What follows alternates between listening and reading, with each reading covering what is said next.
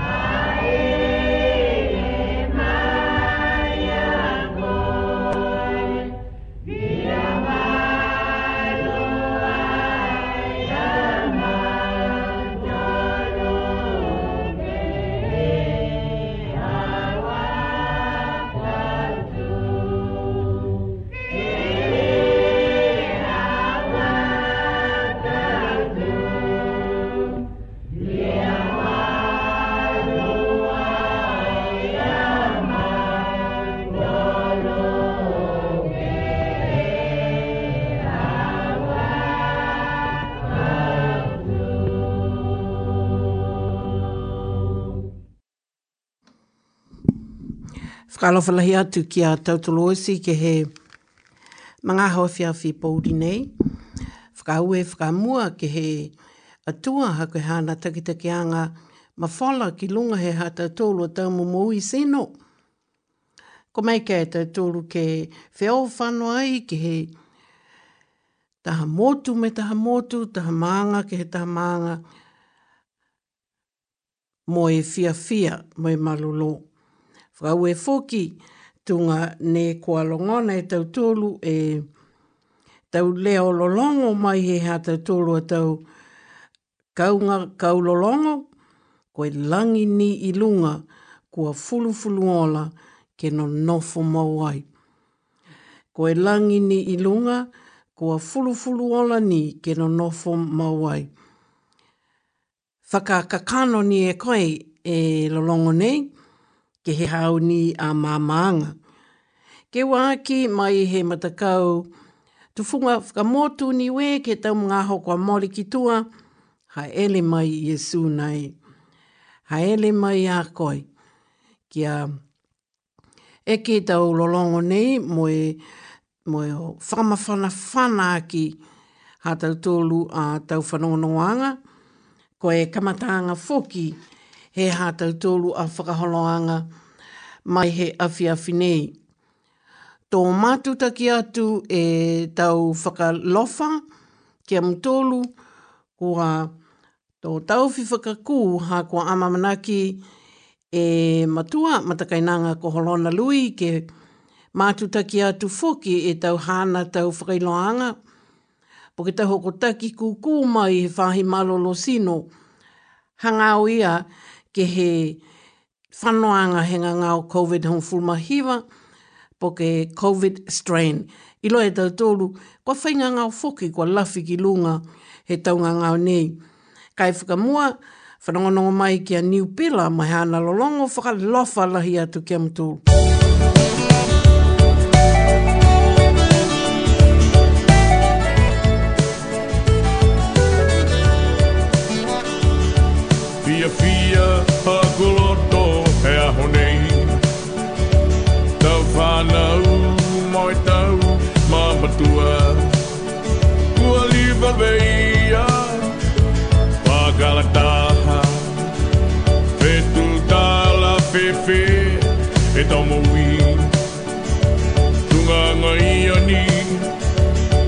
kaike Paka ue ki e iki Ki e taule pe mai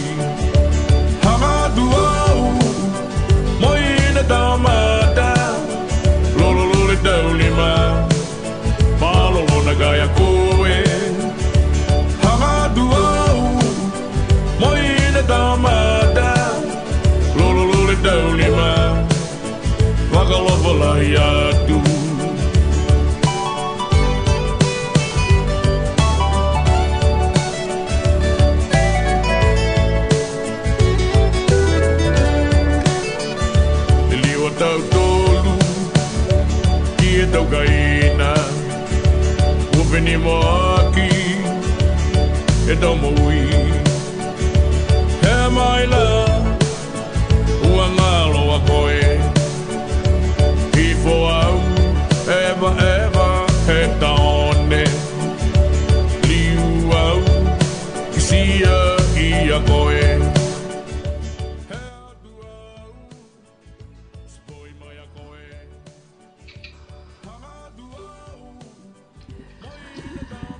ma tau matakainanga uh, whakalofalai atu tō tau fi whakakū e lolongo nei kai whanononga ta tūlu ke ha ta tūla matakainanga ko holona lui ha kua lawe lawe a ia he mata hola walu ha kua taha whanoanga kua amana ki a ia ke whakalataha ki ai whakalofa atu holona e whakawatu uh, malingi whakawai lai ki ke you in on your program uh, really pleased to be here this evening and uh, uh, wish our best wishes on International Women's Day to all our um, new women of Whiwhinia uh, Toa, e Toa.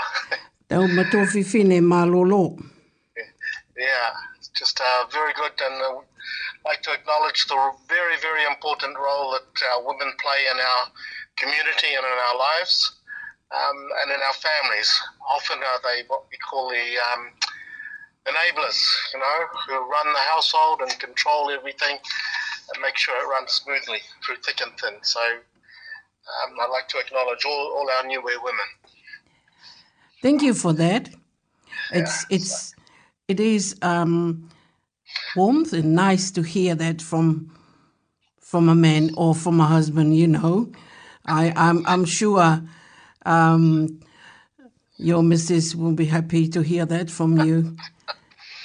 Trish, I know, uh, Trish, if you're listening. Uh, she, she's out having a walk, but uh, no, very nice to be on your program. Uh, uh how you know. can can you give us a, a, a quick feedback on uh, how far are we now with the COVID and other other uh, illnesses that has followed? So with with COVID, we we are making a little bit progress. It's a little bit up and down at the moment. Um, so in, in, the Wellington region, we had 162 new cases, um, and which means we've still got the number of active cases, which is 1,424. And that's a slight increase, and we seem to have been hovering around that level.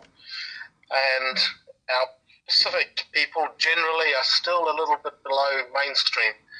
So we really need, still need to to get our vaccination rates up, not only for COVID, um, in case another strain comes through, which, but also for our measles, mumps, and rubella vaccinations, um, which we can talk about a little bit later. But um, with our COVID, we've got a, a new vaccine which is um, going to replace Pfizer uh, for boosters and, and that has been um, introduced since the beginning of the month, which is uh, a really good. new, um, if I can ask you, what is the name of that? Well, it's, I've forgotten the name for the moment. It's a variant, um, and that's what it's an anti-vax variant. So, still behaves the same. It's an antiviral medicine, um, which comes in and it's free for people who are over the age of 50, for our newer people who are over the age of 50, and for Māori over the age of 50. For everyone else, it's for age over 50, 65 and over for the moment.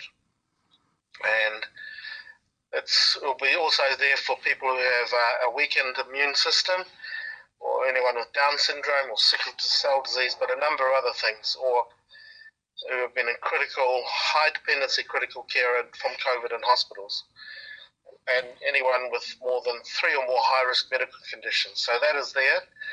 Um, and we just, people, if they want to, just to ask their doctor about that, their GP, and he will give them more information. Uh, the the 1400, 1424 um, yes. new cases, were they um, second time, third time COVID, um, or the are new ones? They're, they're new ones, um, new cases in the region. Um, I don't have any more detail from of that. Um, we used to be able to do. We had received up until last week um, the exact number of Pacific and Maori people involved, but for the moment, those haven't been included in the information that we've received. But they are new cases in the region. Um, we're not sure exactly. I don't have the information at the moment of um, whether they are reinfections or brand new. But the fact they say they are new cases, I'm taking it as that they are brand new.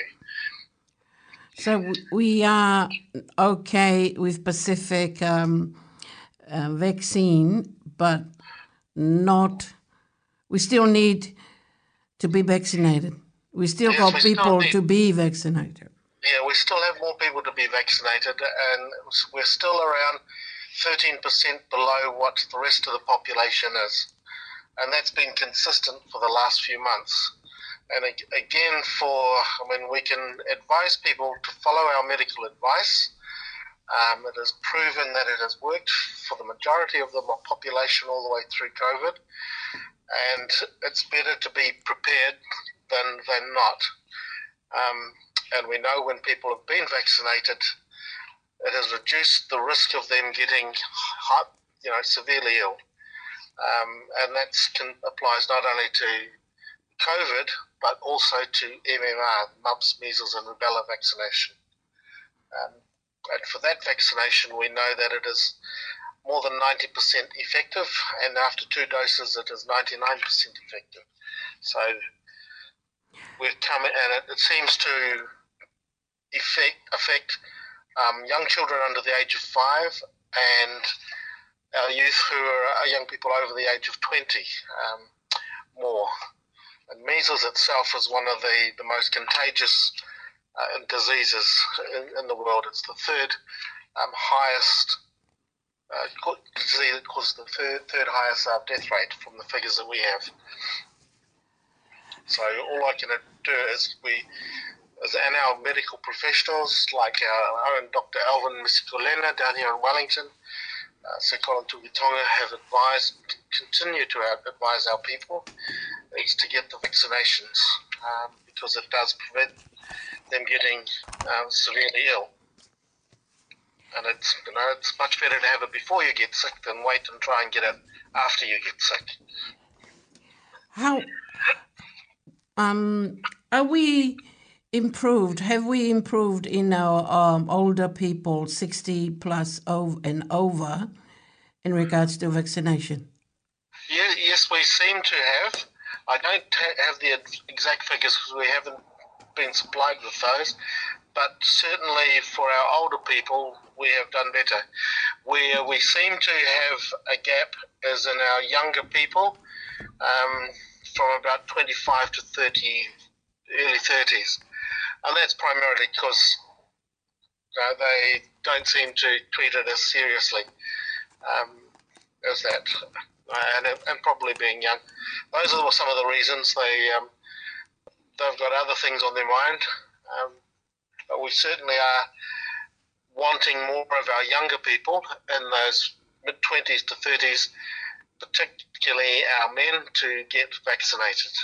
Um, and again, that whole thing prevention is better than cure.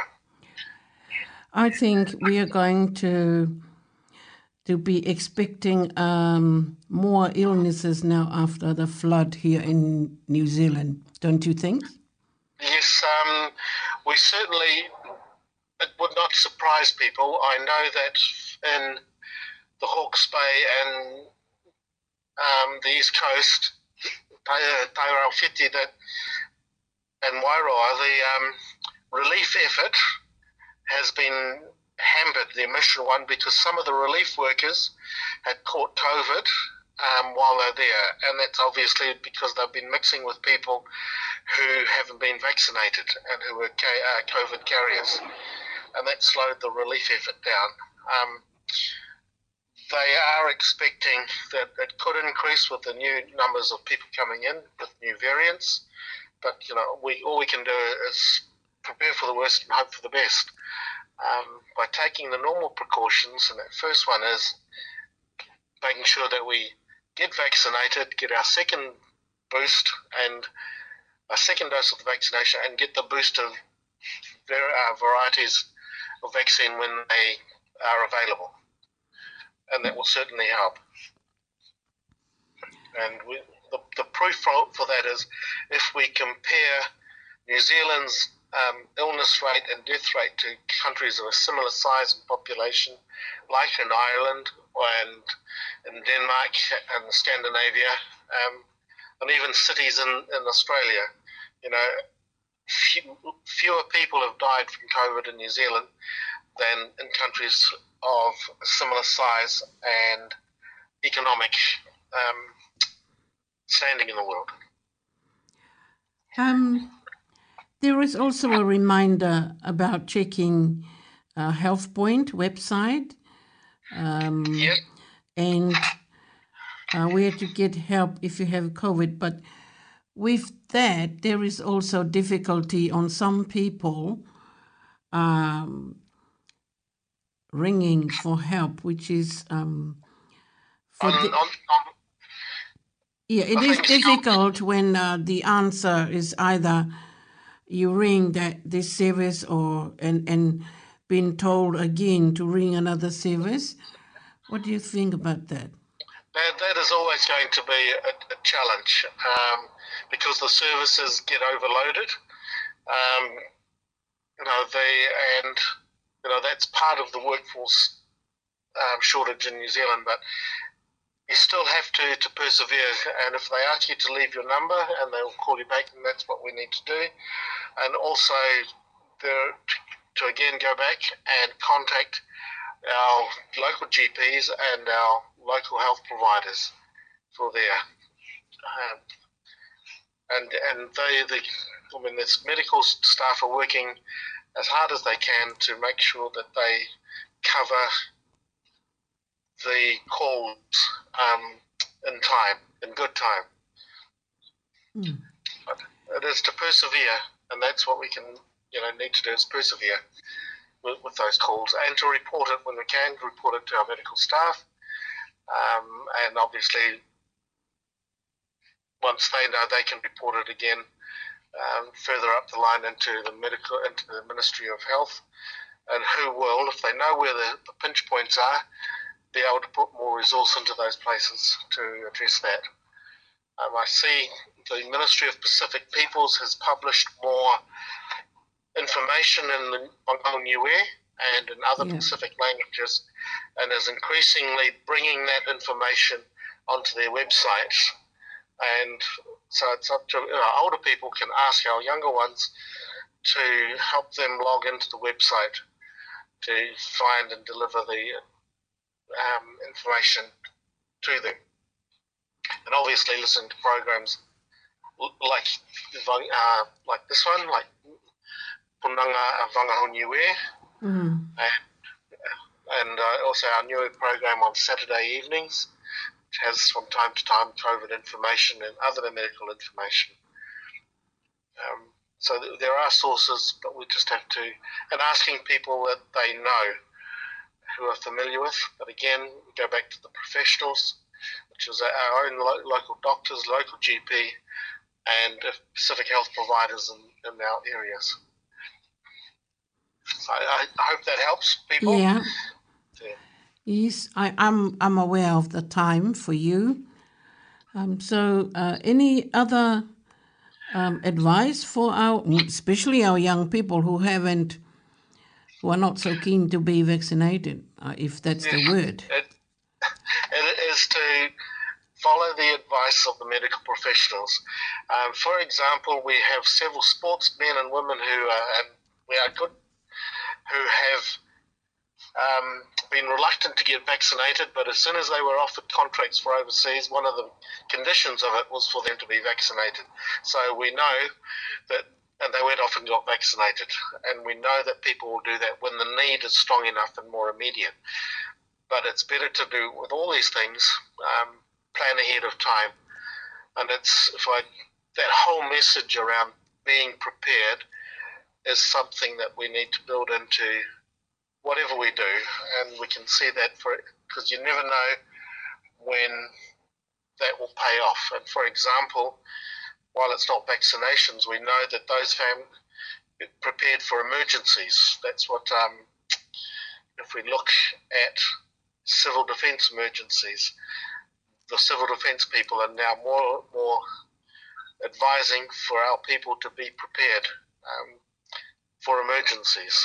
Um, you know, for like earthquakes or uh, tsunami or fire or like we had flooding up north in the Hawke's Bay. So preparation always in all the things we do, um, planning for something um, goes wrong. Mm. So prepare for the worst, hope for the best.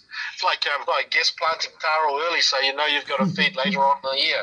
You know, if you it won't grow if there's no rain. yes, my um, maybe this is my last question. Um, the MMR free vaccination is this free for everyone? Everyone it's, from young children to old people. yes, yes, it is. It's free for everyone. Uh, the MMR, and that's how infectious measles can be. Um, that the health officials, you know, are saying, you know, it's free vaccinations for everyone um, just to make sure people don't get sick. Um, and I, I, so that's what we can do. And I guess that's those sort of the main things we've got to, to cover this evening. But also, just one, one last thing, and I, I, guess I'm coming into your area of uh, professional experience and expertise, is that um, as to people are. Uh, react differently to emergencies and stress and with different levels of anxiety. So they need to you know, take some tips about looking after their mental health and their well-being um, to keep themselves well. And there are, uh, I guess you may share those things with your, your listeners, mm. but there are also advice on the Ministry of Health's website um, also on the Ministry of Pacific People's website, and some of that advice is in um, like a whole new air. Um, so just to alleviate any anxiety, stress, or worry, anger sometimes, um, or just needing someone to talk to. And in the emergencies, they have put a number here to either for people to text 1737 or phone 1737 and they'll be able to speak to a trained counsellor. And we know that disasters and crisis affects people in many different ways. Even COVID affected people in many different ways. Some people went into denial. Um, some people ignored all the advice they were given, and other people followed it. Um, and some people just carried on as if nothing had happened. So, you know, but that again is a, is a reaction. Um, some people have anxiety, so but everyone reacts to it in different ways. But one of the best things you can do is to talk somebody um, and check out how they are. So, um, so that's um, one of the things. And just like I, uh, I, uh, you and I have often had conversations, which has already, you know, always been useful. So the I'm coming back to the MMR uh-huh. um, mm-hmm. vaccination, you can can can I go to the pharmacy to do you that? Can go to, yes, you oh, can yes, put, yes. get the MMR vaccine for free. Um, you can go to talk to your GP, but you can also talk to your local pharmacy and get it for free there, or again to another health provider um, or to a Pacific health provider and that will, will help. They will offer you the vaccination. So if you think you might have measles, I can give you a health line number here, which is 0800 611 116. So that's 0800 611 116. And that's available free 24 hours, seven days a week um, to give you advice. Um, so and also, you know, when you are going to visit your doctor, always call ahead if you can, um, because measles can be so easily passed on from one person to another. So, phoning ahead before you go to the doctor ensures that they're able to put steps in place to uh, help avoid you spreading the measles in the waiting room. Yes. So, so, and all of those those things, and I know for COVID we had to wear a mask, and I and that's partly one of the reasons why when you go to a GP or to your to a hospital, um, to medical facilities, people ask you to wear a mask to avoid spreading it, any germs or disease to other people. And mm. measles is no different for in that respect. And I can I can hear and see that uh, we have people in Hutt, Kenepuru, and Wellington uh, in hospital of COVID. Yes, yes, and so far not many from measles. I haven't heard of any for the Wellington region, mm. but that doesn't say, mean to say it hasn't happened. But hopefully, it hasn't. We happened don't. And it doesn't doesn't establish itself yeah. here. Hopefully, it didn't happen, or yeah, but we need to be uh, ready you know, yes. by having all these vaccination happen. Yes. And, and it is though, so we know that vaccination has enabled smallpox to to be um, eliminated from that's one of the from the world, and hopefully we can do that with um, some of the other diseases as well, and certainly to reduce their impact on on our population. Um, and all this is very important for our Nui population because we are small in number, relatively mm. small in number compared to other nations. Very small. But we, so we need to be sensible, take the precautions we need, and uh, be like the rock, small but tough, and making ourselves uh, tougher by taking the uh, precautions that need, when they are offered and on, especially when they're backed up by science and sound medical advice of our professionals. Um, like uh, Dr. Alvin Colena here in Wellington, and obviously um, Sikon Tonga, and there are other newer doctors in Auckland. Um, and other parts of the country as well. Uh, that is the idea tonight. Is maybe we can get as far as Auckland um, and using Alvin here. Yes. Um, yeah, to encourage our people in in um, advice, give us advice about these uh, illnesses because it's not going to end here, is it? It's going to no. be more coming. They're more than likely, so we just have to be prepared. Okay, whakawelai maha ki holona, is there any other information before you uh-huh. go prepared for your meeting? Uh, no, not, not this evening, just those one thing is that obviously same thing we've always said. It may sound like a broken record, but um, if we prepare, we can help keep ourselves and our families safe and well protected. But there, there is, is there is a little hope. There is is there. There's always hope, and there's yeah, always optimistic that people will do the right the, the right thing and do the best for their families. And so, eh, yeah, yeah. Yeah, I, I hope that the, um, the people are listening and really listening to the information because these informations are very important for us to to know and to hear and to be mm-hmm. aware of what's happening. Yes, and uh, I must at this stage also express my uh, thanks to the Capital Coast DHB and Hutt Valley DHB and now the, the Ministry of Health for supporting the um, Wangahau, uh, supporting Yeah, Punanga Wangahau New Wave and supporting this program and also the other programs in Pacific languages down here in Wellington, which are broadcasting and sharing health information to our Pacific communities um, in on their own programs and in their own languages. Even though I've spoken a lot of new, uh, predominantly in English or in English for this, the DHBs are supporting, very supportive of this radio program and other ones like it. And it's certainly making a difference to the health and well-being of our communities. So, and again, all the very best to our uh, International Women's Day for all our beautiful uh, wives and partners hmm. and, and the women of, of Women's Day, eh? International Women's Day.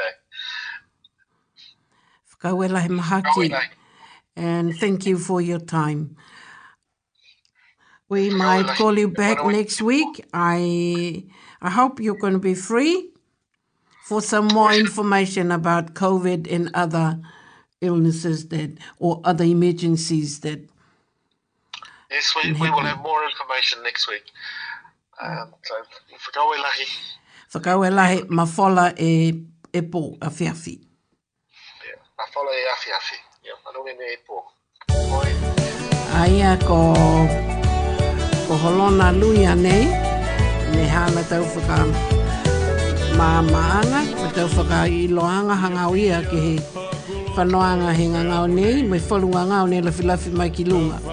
Whakau e ki he hana mga ho, Ka to liwa te tūru ke whanono o ke ia e te whaita pīmua. Pagalataha, petu tāla whewhe, e tomo i. Tunga ngā ia ni, te kai ke he. Pagalue e ki e iki, ki e tole pe ki mai.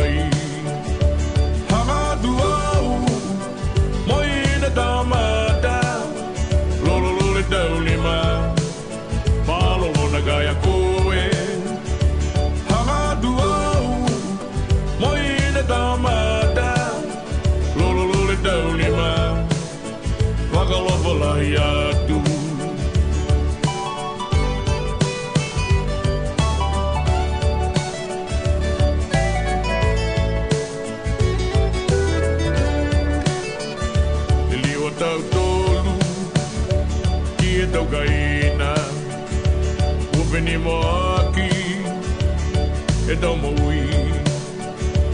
Am I love?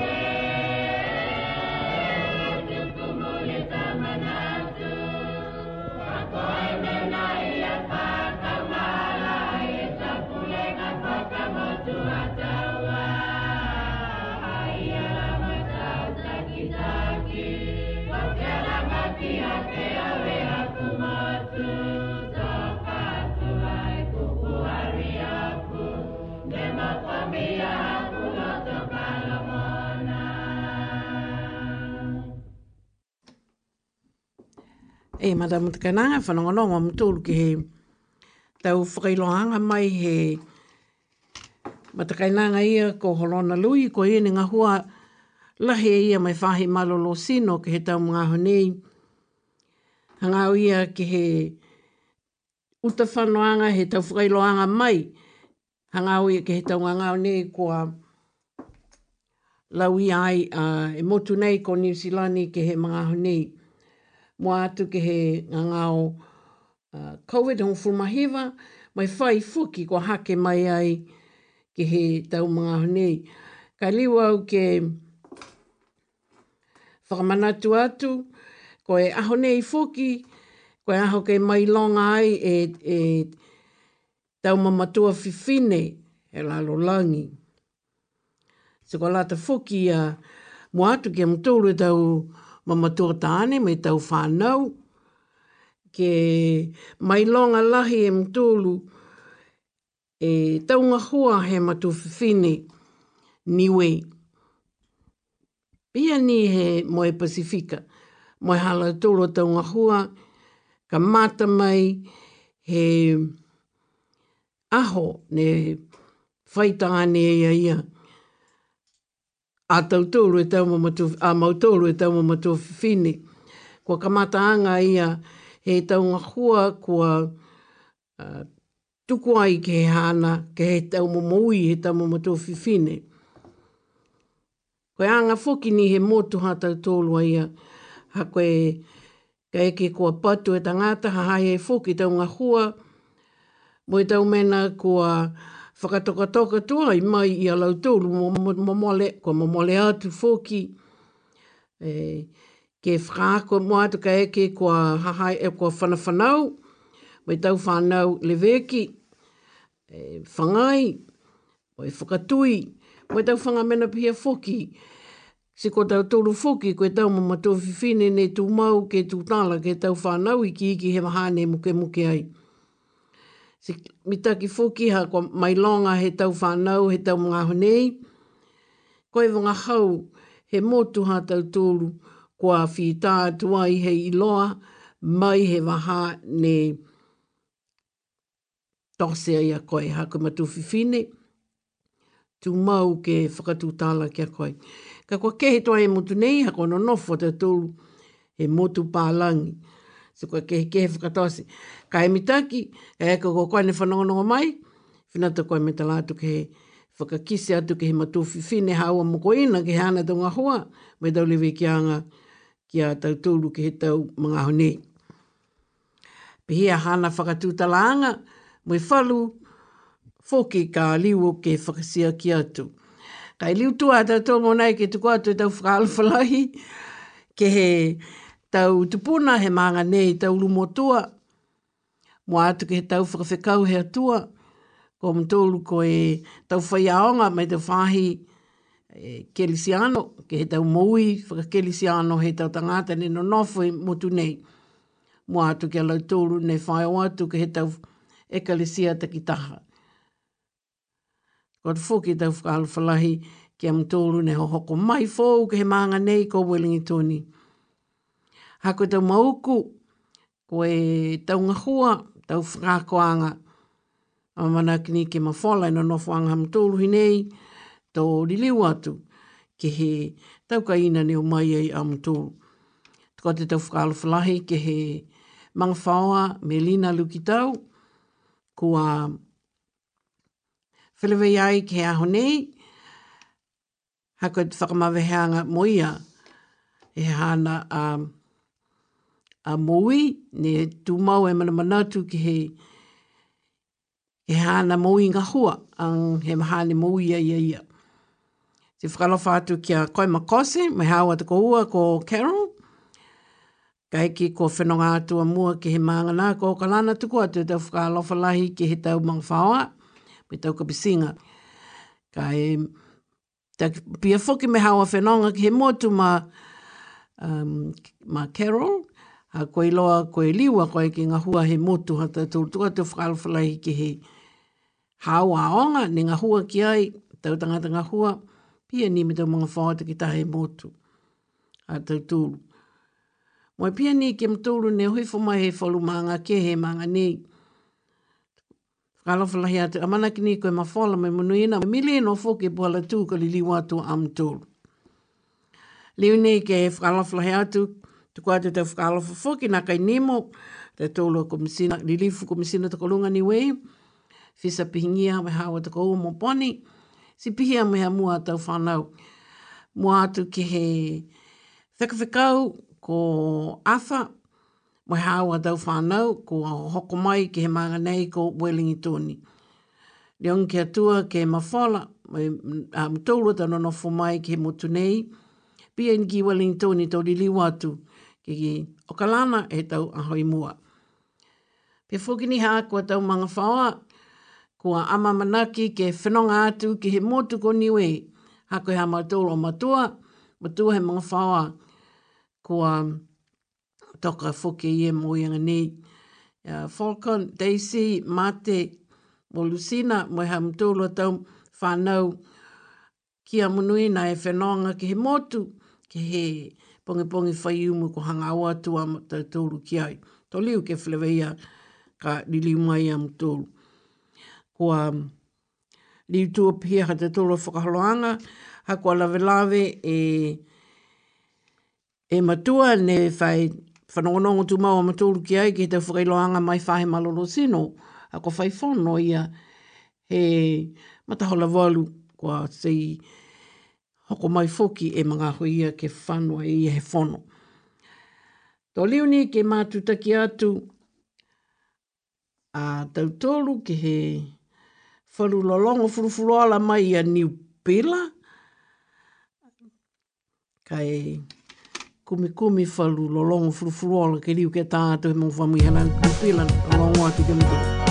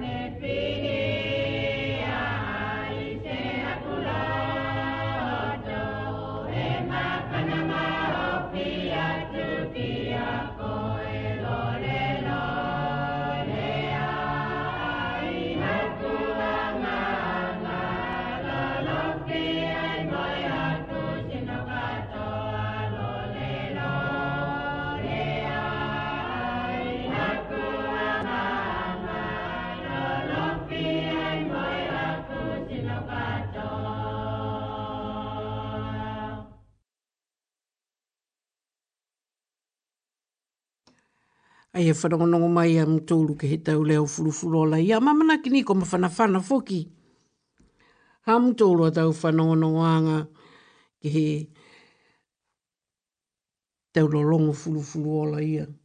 Ma whanawhana lahi au e whanongonongo atu ke he ke he, he uh, pōuri he pōne e vai nofu tako taha ka hae poko e. Leo ke...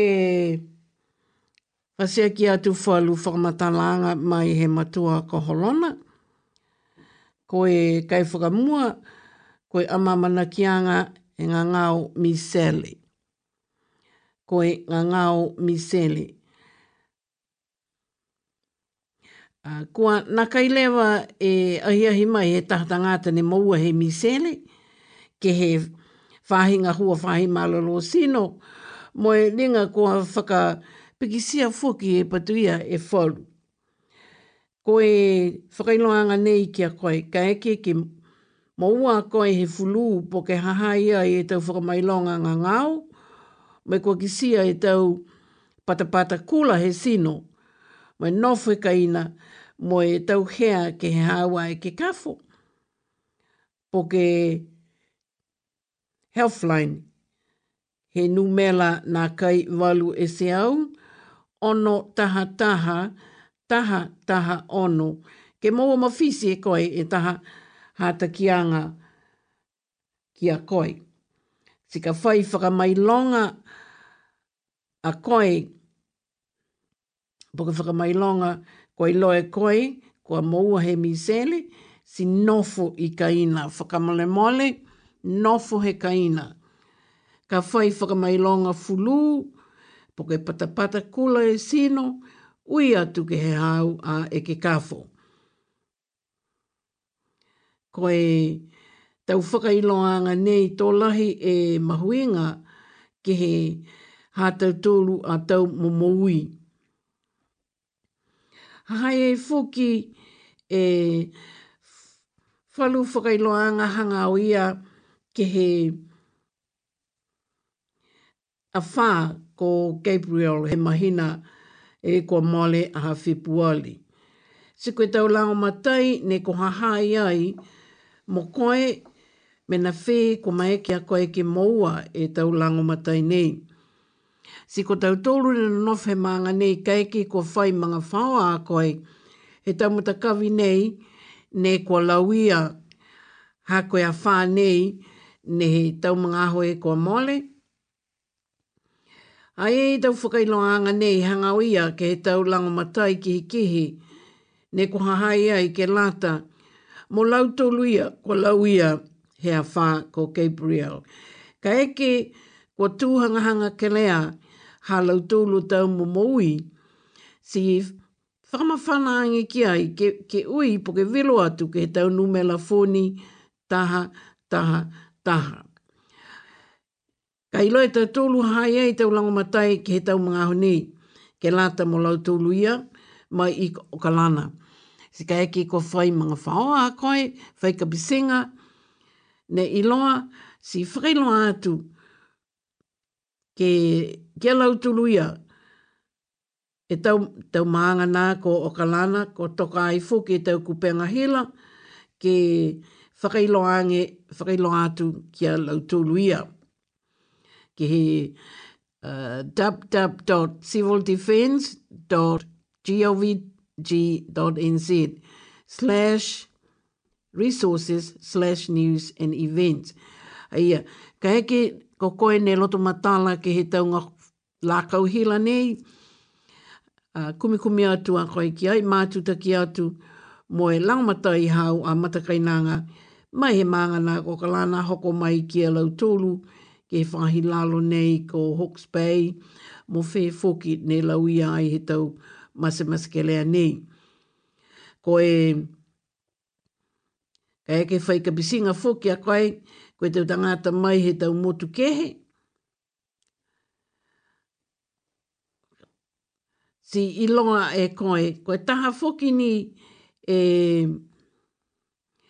e puhala langomatai, ke langomatai aki, ki, a lau tōluia. Ma tau, matakainanga. Ko e tau tangata mai he tau mutu kehe, ma nākolonga matai, ko alata fōki, ke mātu taki atu ke he hala tōlu o tau ofisa mō he mōtu, po ke tau komisina tako lunga. Tau whakailoanga, mai tau mātu taki anga, ko mai ke ke mauai, ke he www.mfat.govt.com www.awr.nz slash en slash embassies. Ko e tau, tau whakailoanga nei tungana ia, liu ni au ke whasea ki atu foki, ki a koe ne roto matala ke tau lākau hila nei. Om tōru foki tu tangata a hiahi mai New Zealand, ko tau whakailoanga nei ka eke kua ki a koe ke whakailo atu ki he hau a toko pisinga, pa ke tau mga whawa, nei kua lau i ai he tau masimasi ke lea pehe nei. Ko e bia nā tau tōru, tau matakai nā ngā niwe, tau langamatai, mai tau tangata hea tu Pasifika, ka koe tūta, ka e ringa a whi mai ni a tau tōru e whiawhi nei, ke he hā tau tōru e tau mga whaua niwe, mahe maanga he tau maanga nā.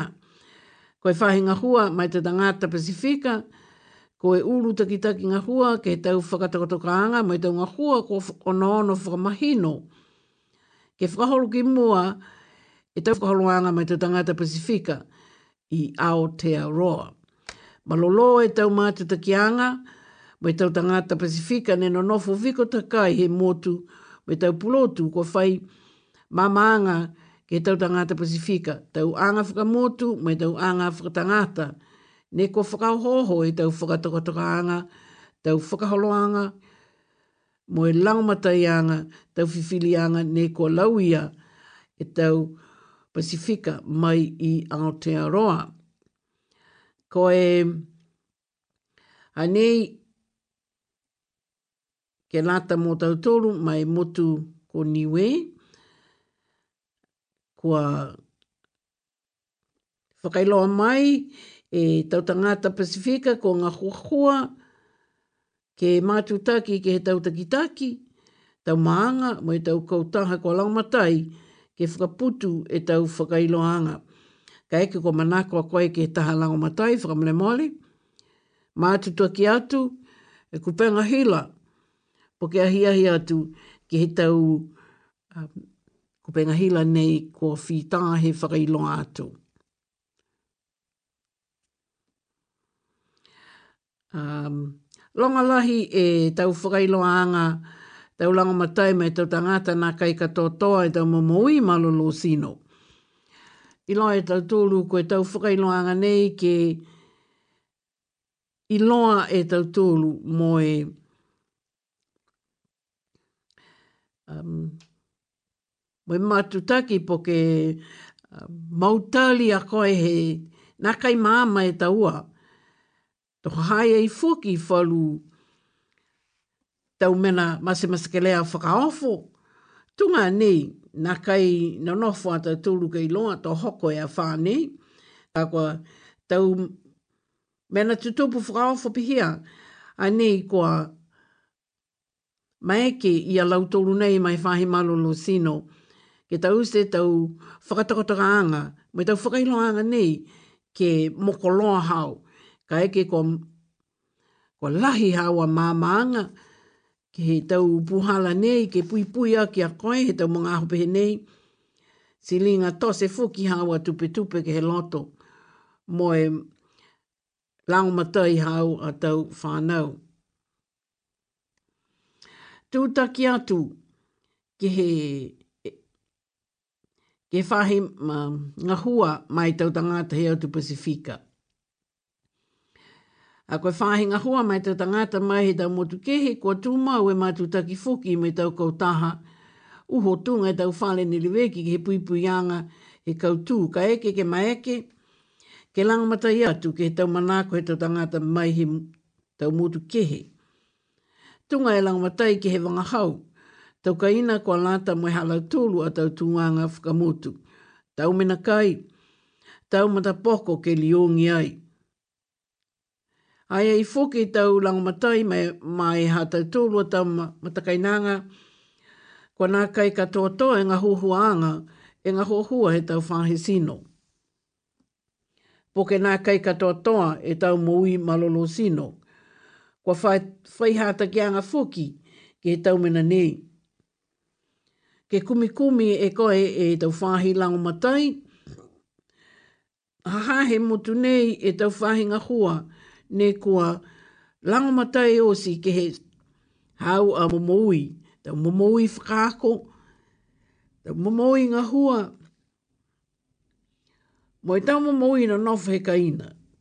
Si pihia ni tau lango matai atu, ka eke kua whai manu whaonga koe he kaina.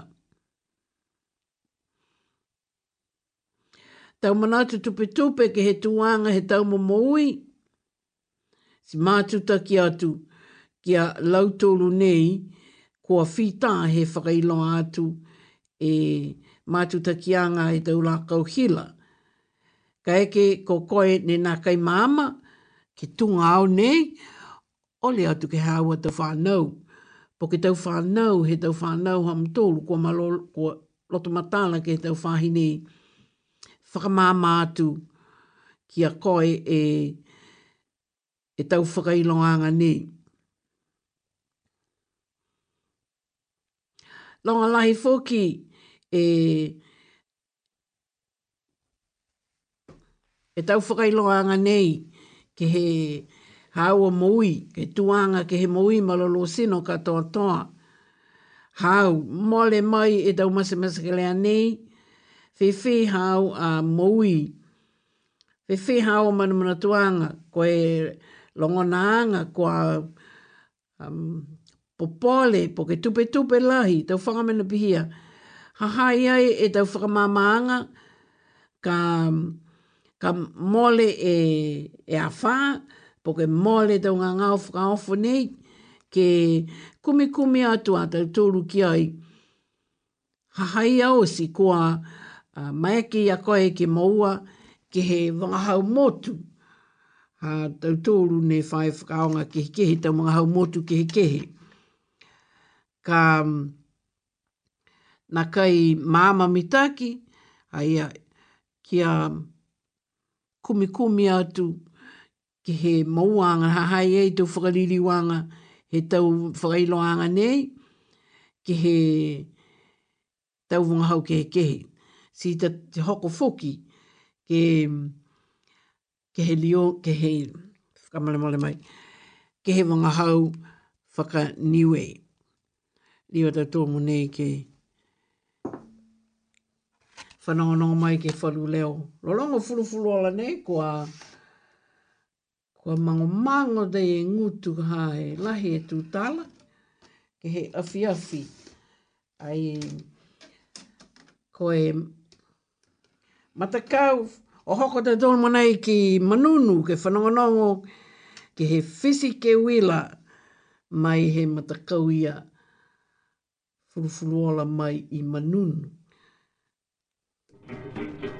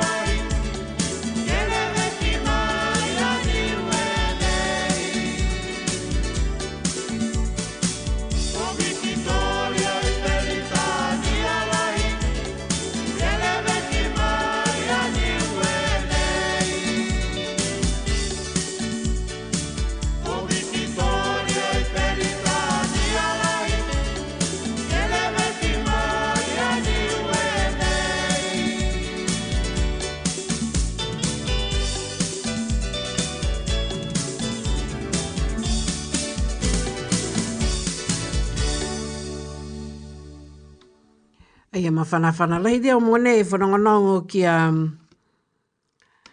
ki a tamaniwe mōli. Tō hoko atu e whanonga hata tōru ke whaitu ke lau he motu ke he awhi awhi nei matau matakainanga. Hei ia tunga ia koe loa e tau tōru linga kua uafumaono tai e tau minuta ke tae mata hola hiva. Whakauke o ki mahi nei e hata tōru whakatūtalanga mai ke tau ngā ngā o mei taua a whā, mai tau hingoa fōki. Ka e mātu taki atu, ke he hatau tōlu a tau amamana ki anga, ke lana mai maha tapu. Tunga ia kua longona, ka eki kua longona lai a koe hea fiafi nei. Si a tāi te mga aho hao, a um, whanonga mai ki, ke he... he faletolo he ekalesia PIC i New Taone, ke whakamawehe o loa ha te tolu a lilifu ko pisina te kolunga, mo he ana mga whaua.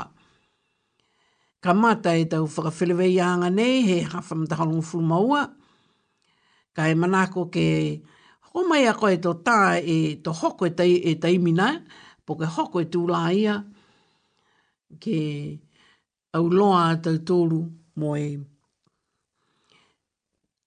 tufa tufa au loa ka hai tu ta ma fua pateta hao ne moa ka tau se mahi ka ina.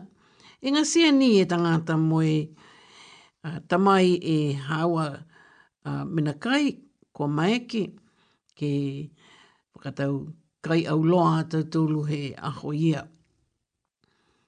Ko e kawhakalantaha e tau matakau ke he kehe mai i Wellington ke whakamavehe e lilifu nei. Mahana a manga whaoa. E ko mamana ki ala tolu, ke liliwa atu ki he motu, ki he tau aho, po ke mahina i mua, nā kaila mahino ia.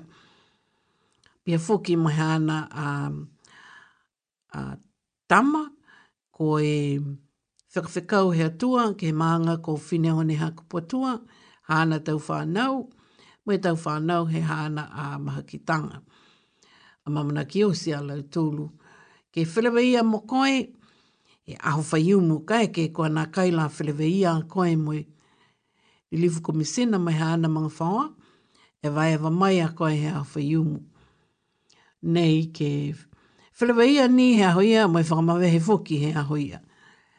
Ko a ole atu ke he tau matakau takitaha, to hahaia i tau mga aho, ke tuku atu ki am tōru mo e tau manatu tau kupu whakamawehe ki a lau tōru ke he aho whai umu na ka whiamanako a koe ke lolongo, whiamanako a koe ke kōri, a ia kua whakatae e tau mga aho ia ka linga mitaki ni kaha ke tahe lolongo si tahe kōri ka ua longa neke, neke, neke lewa mui mule fuki.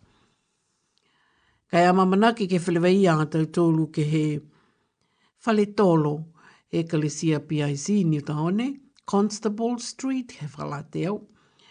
E, kai ki kona kai i loa e koe e, poke ai ki sia e kai naia, si whakai loa atu ki hea wada kua bisinga, poke te matakai nanga ke lau tūlu, kua ki sia mo i loa e kai naia ka whilewe ai a tau tūlu a mamana ki ma tau matakainanga, ke holo ma whala ha te tōlu a fia fia whakamawehe, mo e manga whaoa pihingia. Mo e komisina tokolunga. Tunga koi loa foki e tau tōlu ko he aho nei, ko whenonga atu e mga whaoa halo ki o kalana, ke mātuta ki ai e tau leongi whakamanga whaoa whakamawehe ki he hata tōro matua he maanga nei, matua he mga whawa, ko liwa, tō liwa ki atu, tō rū, tō watu ala tūru ki niwe he aho whaiumu, a mamana ki fōki, ke mawhala moe milino, e pulangi, ka whenonga atua i ala tūru he hala ma mau Aho nei fōki, ko a whakamawehe ai fōki hata tūru a matakainanga, nanga, a uh, matua fifine ko e matua e mga whaoa, mai tau whanau i kiki, ko e tau kese, ko e mahakitanga, ko e tau lafu kula, tunga ne whae longone tau tōru tau wonga haunei, whamawehe fokia ia ke he ahonei. Ai ai e liongi whamawehe ke he Ekelesia PIC Porilua mo e o tai he hana tau whanau me hana mong whaa hana sena mo whakai fuwe fuwai ke taha kaina ne whai tau se ai e tau whakaholoanga pihena. Ka e leongi ni ki am tolu ne o mai he tau maanga kehe ma whala me munuina ka liliu atu ki am tolu a tau kaina. Ai e fuki tau amamana ki anga ke lata ia me tau aho i mua, longa lahi tau whakaholoanga ne kua tau taofi ha kua whepākaki e tau mena tutupu mo e kua ngā ngāo fōki. Tau ngā ngāo e kua whaifano ngā ia he mānga nei kua welingi tōni. Tunga ia ne kua whakailoa mai ki he mga hon, kua mole. Kua hongo mataha taha a lau tōru he whalinga ngāo mai welingi tōni ne moua ke henga ngā COVID. Toko whā mai he maanga ko Hutt Valley, toko hiwang. He whalinga ngā i Porilua. Kai lafi atu ke he toko ua mai i whalinga ngā o i Wairarapa. Tiko e tau whakamana tuanga foki ki a tau tōru whakamale mole. O atu la ke maua e tau huki nei kua lewa lewa foki e whakohā tu mau atu, po ke whakamatana tu mau e tau puhala pe nei. Tau le, leo taonga pehe nei, ko tau um, TV mai whalu, uh, leo taonga ke he tau wonga hau ke he kehe. Kai onono ke he tau hokotaki, o hongo furuma tōlu ngai e pasen he niwe, ne nā kaila moua katoa toa e tau huki nei si tunga ia kua tō liu ke, ke, liu ke fasia ki atu fōki, whakamale mole, o atu la ki moua e tau huki nei. Manatu e tau tōlu kua mua atu e tau manatu whaka kisi ke mua atu ke moua e koe tau pui pui anga nei ke he mga hou ka mouai e koe e ngangau. Ko puipuianga, ko muatu, kehe tuluianga. Prevention is better than cure. Mā malahi e koe e, e tau kupuia, kua whaka uh, leo atu he tau mga hōsi ki iloa e tau tūlu e uho mwe aonga ke pui pui mai a koe mai hawa tau whanau, mai he tau ngāo ke ke. Tunga e ngā ngāo mi sele nei kua liu futa hake mai te he tau ngāo nei. Se ke taha ngā ngāo ia kua ka eke ke pāe ngā ngāo ia he motu nei fuki ana tōlu ha kua tahe ta ngātene tamai he tau motu kehe. Kua liu whai a tau tōlu ke ke ngā hoa fōki, tau rewe ki anga, tunga e COVID hong fumahiwa. Ti whakamule mole, ko ole whakatako lalo atu, e whahi malo lusino, ke hewa ngā hauniwe, o atu la ke maua e tau huki, mo e katoa toa e tau whawhasi huki, ne kua tau se paua ki mai he whahi malo lusino, e lata ia e mai hata tūlua tau mumui. Mumui. ma tau whanau. Ringa lolongo atu fōke ane whai a, a niwe mōli ke mahina pulo fōu ko pula mai na mahina he awhi